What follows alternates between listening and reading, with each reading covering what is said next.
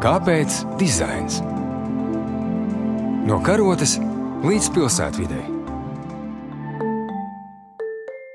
Esiet sveicināti radio klausītāji! Ar jums šodien studijā Klaus Priedītis, redzējumā Kāpēc dizains? Šīs dienas raidījuma fokusā ir mūsdienīgs muzejs un tā sniegtās iespējas apmeklētājiem baudīt daudzpusīgu intelektuālu saturu. Muzeja visens ir bijuši nozīmīga mūsu kultūras mantojuma daļa. No paudzes paudzē tie kalpo kā zināšanu krātuves. Lai gan muzeji nereti tiek uztverti kā saudabīgas laika kapsulas, tomēr tie arī mainās laikam līdzi un pielāgojas dažādām mūsdienu sabiedrības vajadzībām. Aizvien biežāk varam novērot, ka muzeji pilda daudz lomas, ne tikai informācijas un artefaktu krātuvju funkciju. Mūsdienās tie ir kļuvuši par dinamiskām, saistošām un interaktīvām telpām, kas paredzētas, lai rosinātu apmeklētāju iztēli un piesaistītu uzmanību jaunos un aizraujošos veidos. Lai noskaidrotu ko vairāk par to, kā top mūsdienīgs muzeja saturs un kā šo saturu ar dizaina palīdzību iespējams padarīt apmeklētājiem pievilcīgāku, Uz sarunu esmu aicinājis divas dekoratīvās mākslas un dizaina muzeja projekta, dizaina studija bērniem veidotājs, muzeja izglītības programmas kuratore Kristīna Šica. Labdien! Un dizainere Lāsma Kondrāte. Labdien! Sarunu vēlos sākt apspriežot mūsdienīga muzeja funkciju sabiedrībā. Aplūkojot dekoratīvās mākslas un dizaina muzeja mājaslapu, var redzēt, ka diezgan liela sadaļa ir atvēlēta izglītībai, un izglītībai ne tikai caur izstādēm un ekskursijām, bet arī caur dažādiem notikumiem. Tas mudina domāt, ka muzejs kaut kādā veidā ir mainījis savu funkciju. Kā mēs varam pieredzēt mūsdienīgā muzejā? Manuprāt, muzejs ir ļoti atvērts tiešām dažādiem apmeklētājiem, un mēģinam katram pielāgot to īpašo pieeju un iespējas piedzīvot to saistošā veidā. Un uh, mums ir ļoti plašs programmu klāsts, sākot no skolu auditorijas, kuri apmeklē pārsvarā šobrīd nodarbības vai radošās darbnīcas. Mazāk tās vairs ir ekskursijas, savukārt individuālais apmeklētājs tiek aicināts vai nu interaktīvā veidā viesoties muzejā pats, individuāli apskatot visus stāvus, gan izstādes, gan ekspozīcijas, gan darbojoties aktivitātēs, kas ir jau izvietotas ekspozīcijās, vai arī piedalīties sarunās, kur aicinām speciālistus, kur aicinām māksliniekus un dizainerus, gan arī muzeja speciālistus, un gūt pieredzi no sastapšanās, ar iespēju uzdot jautājumus, ar iespēju iesaistīties arī tajā visā. Plānojot muzeja saturu, tiek ņemts vērā daudz dažādas mērķa auditorijas, mērķa grupas, gan bērni, gan jaunieši, gan pieaugušie. Kā notiek tā satura diferencēšana? Noteikti mēģinam aptvert tiešām pēc iespējas plašāku auditoriju, jo Mēs saprotam, ka vispār tā muzeja apmeklēšana sāks jau agrā bērnībā, un tad, attiecīgi, vai tās ir ģimenes, kas ved uz muzejiem bērnus, vai atkal tās ir tiešām šīs izglītojošās iestādes. Piemēram, šobrīd arī bērndārzi ir atkal aktīvāki kļuvuši, vai tās ir skolas. Un dažkārt, protams, mēs pieredzam, ka uh, muzeja apmeklētājs ierodas muzejā stipri vien jau būdams jaunietis pāri pat 20 gadiem. Un tad ir tas jautājums, kādēļ viņš tik vēlu varbūt ir nonācis muzejā. Maksimāli mēs mēģinām paplašināt visu šo auditoriju un meklēt veidus, kas ir viņiem saistoši, kā viņi tiešām pie mums nāk, vai arī varbūt arī tie ir uh, konkrēti jomu speciālisti. Un arī ar viņiem mēs ikdienā meklējam saikni un saturu, ko arī piedāvāt viņiem. Kāpēc dizains?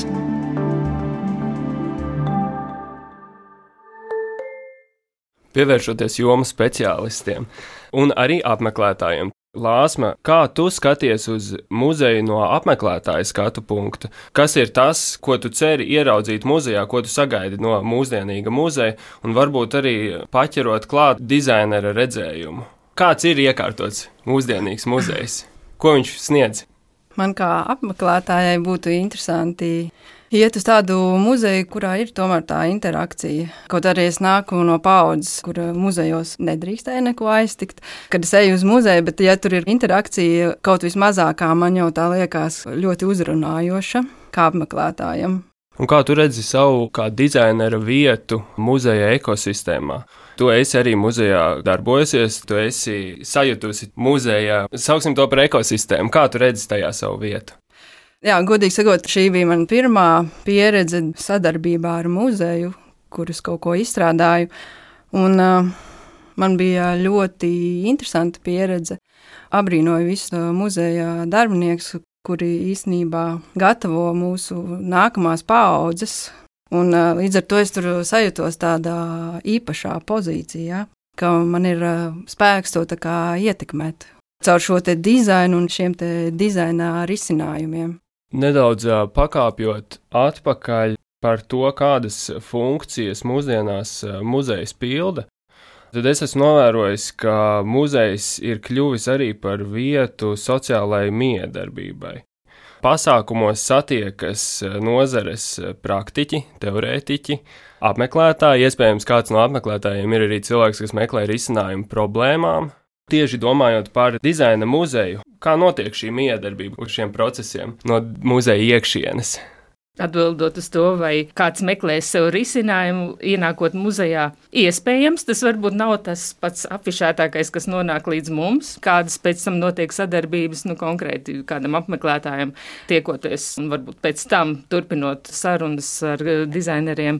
Nu, noteikti jāmin arī tieši mūsu lielāko programmu, kas aizsākās jau 2012. gadā vārds dizainam kura tad arī bija kā liels komplekss dažādai auditorijai, bija sarunas ar dizaineriem, pēc kuriem varēja uzdot uh, jautājumus, un to izmantoja aktīvi gan tie, kas studēja dizainu, gan arī kolēģi, citi dizaineri arī bieži vien komentēja un iesaistījās šajās diskusijās, līdz ar to pavarot visiem, arī pārējiem, kuri varbūt nepiedalījās aktīvi sarunās, uh, tos izpratni par dizaina daudzpusību, par to, ka nevienmēr ir viens risinājums, ka ir viens kaut kāds konkrēts viedoklis, eh, ka tas ir plašāk skatāms. Tikpat iesaistīti arī vienmēr ir bijuši skolu jaunatni, kuri savukārt eh, tiekoties ar šiem jomu speciālistiem eh, varēja darboties praktiski darbnīcās. Tas arī, manuprāt, bija tāds ļoti labs veids, kā sastapties un mazliet padomāt par savu varbūt tālāko, nezinu, karjeru, domu, vispār par virzienu, vai kas ir dizains un ko tālāk varbūt vērts mācīties, un ko apgūstot, viņš atkal var saskarties ar dizainu, kas nav tikai ceļš caur mākslas akadēmiju, bet tie var būt ļoti dažādi ceļi. Arī pedagoģu izglītošana arī tika ietverta un joprojām notiek caur dažādām domnīcām, kur atkal mēģina paplašināt savas zināšanas un iespējas, kā darboties ar skolēniem. Savukārt skolās, izmantojot šo praktisko dizaineru pieredzi. Piemēram, šogad notika tikko ar mākslinieku dizaineru Jānis Straupu viņa izstādē, un tās atsauksmes ir tieši tās pozitīvās, ka viņi saskata tajā dizaineru domāšanas veidu, viņi atrod kaut ko jaunu, kaut kādu labu, ērtu pieeju ko viņi var izmantot pēc tam arī savās stundās. Un man liekas, tas ir ļoti nozīmīga platforma, ka mēs esam tā vide, kurā ir iespēja satikties šīm dažādajiem cilvēkiem un nozarēm un atrast kaut ko atkal jaunu, sev būtisku. Un vai izdodas atrast kaut ko būtisku un izmantot šo platformu arī tev kā dizainerei? Jā, par šo dizaina muzejā veikto darbu dizaina studiju bērniem. Tad jā, bija ļoti interesanti vērot šo gala rezultātu un kā bērni un apmeklētāji arī pieaugušie iegūst kaut kādas sajūtas un kā viņi darbojās pie šīs studijas.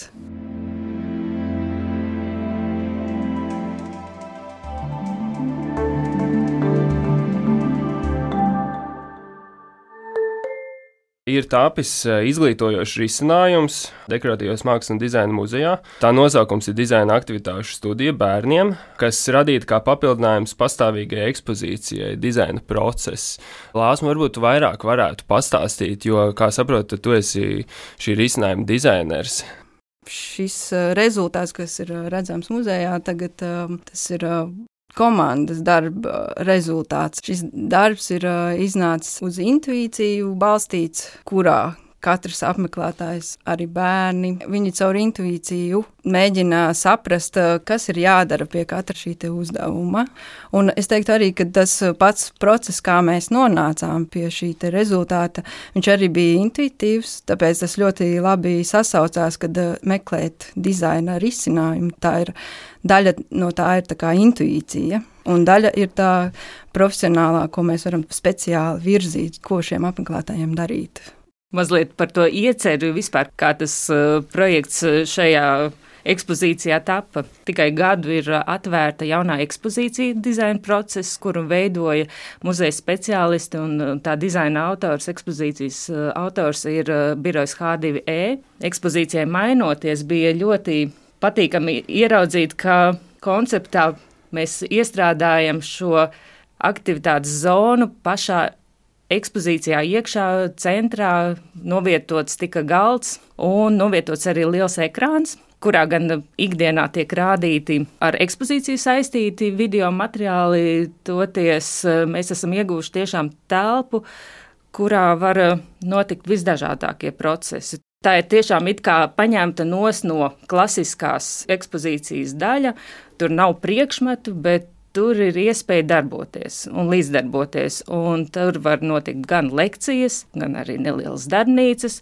Un ļoti secīgi un loģiski mums uh, bija jau uzreiz plānā, ka mēs vēlamies šo vietu arī padarīt pieejamu bērniem, ka mums tas ir ļoti, ļoti nepieciešams, kur ikdienā var uh, darboties tieši bērni. Tāpēc mēs meklējām veidu, meklējām dizaineru, ko piesaistīt, lai to visu iedzīvinātu. Ja skatās nu, no starptautiskiem muzeja pieredzes, tad visbiežāk šādas aktivitāšu zonas tiek izvietotas atsevišķās telpās Vai arī, nu, ja tās ir interaktīvas, vēl kaut kādas digitālas lietas, nu, jā, citkārt tās tiek ietvertas jau ekspozīcijā pašā iekšā, bet uh, mēs izmantojām to dizainā atvēlēto zonu, kas, manuprāt, uh, ir pats par sevi jau tāds unikāls pieejams. Un tāpēc, jā, tālākais uh, bija mūsu sadarbība ar Lāsmu un tieši tā dizaina jau tālākā attīstība, kā to padarīt pēc iespējas sakārtotāku, lai to varētu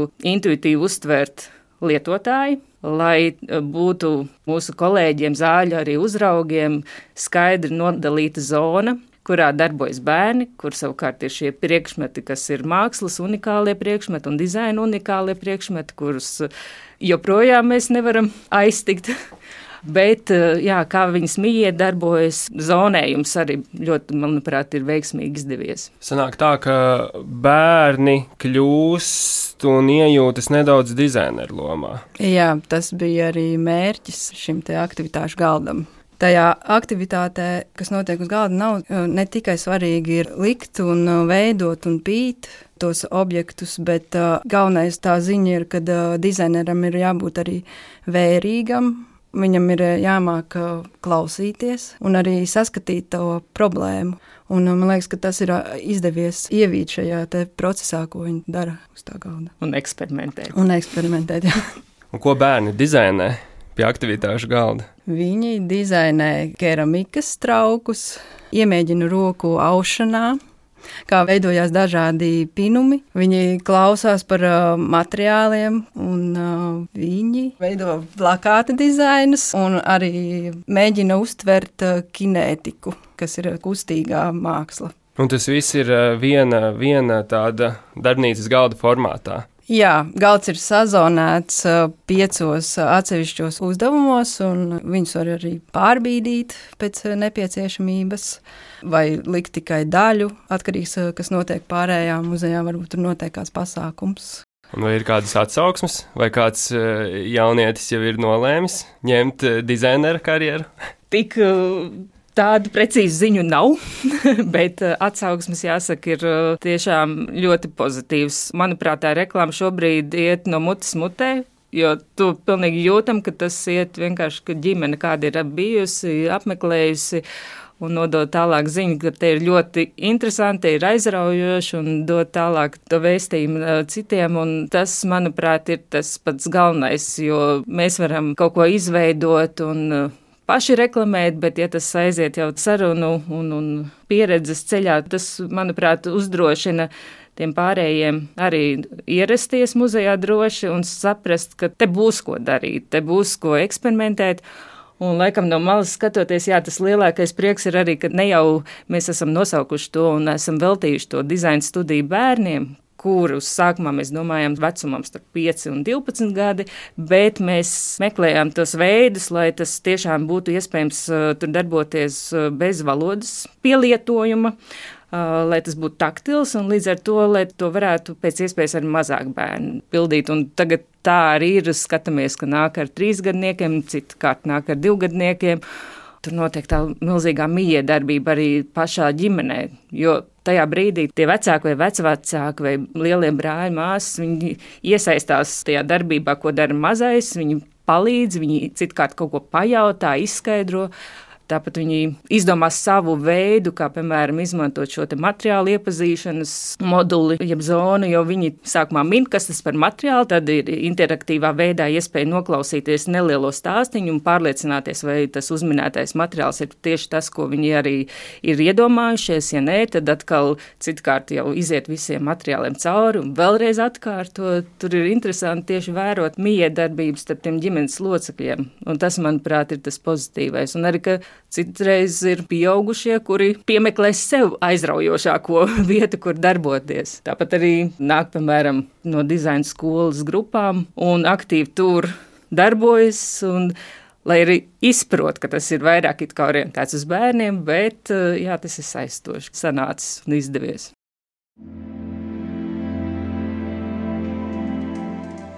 Kāpēc dizains?